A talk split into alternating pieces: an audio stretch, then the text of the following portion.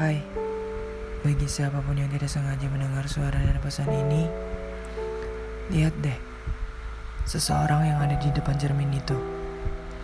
Iya, kamu. Makasih ya.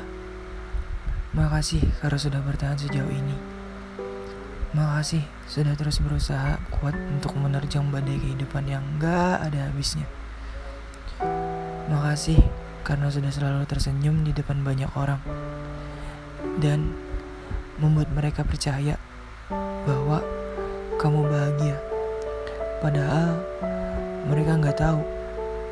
Mungkin di jalan pulang kerja, kuliah, atau mau sekolah, kamu berusaha menahan air matamu sedari tadi.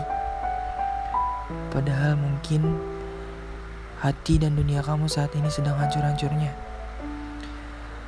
Ada banyak masalah yang menunggumu pulang untuk segera kamu perbaiki. Namun, kamu sendiri pun bingung. Semua ini harus kamu bereskan dengan cara apa? Maka, khusus untuk malam ini, untuk segala air mata yang mungkin masih menggantung dan tertahan di pelupuk mata indahmu,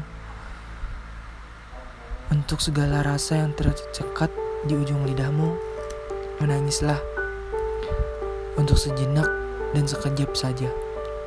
Tolong berikan pelukan hangat untuk dirimu sendiri dan ucapkan terima kasih ya, aku sudah kuat dan selalu bertahan. Coba kamu ingat, sudah berapa kali kamu berusaha membahagiakan dan tidak enakan dengan perasaan orang lain. Namun, bagaimana dengan kabar hatimu itu? Karena sayang sama diri sendiri, sesederhana ajak ngobrol apa yang hati mau jalanin. Apa yang harus dilepas dan apa yang harus diikhlaskan.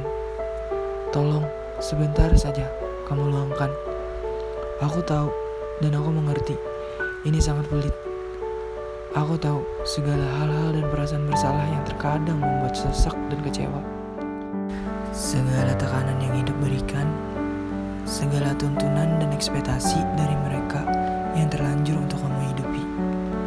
Untuk itu, berilah sebuah pelukan hangat malam ini saja.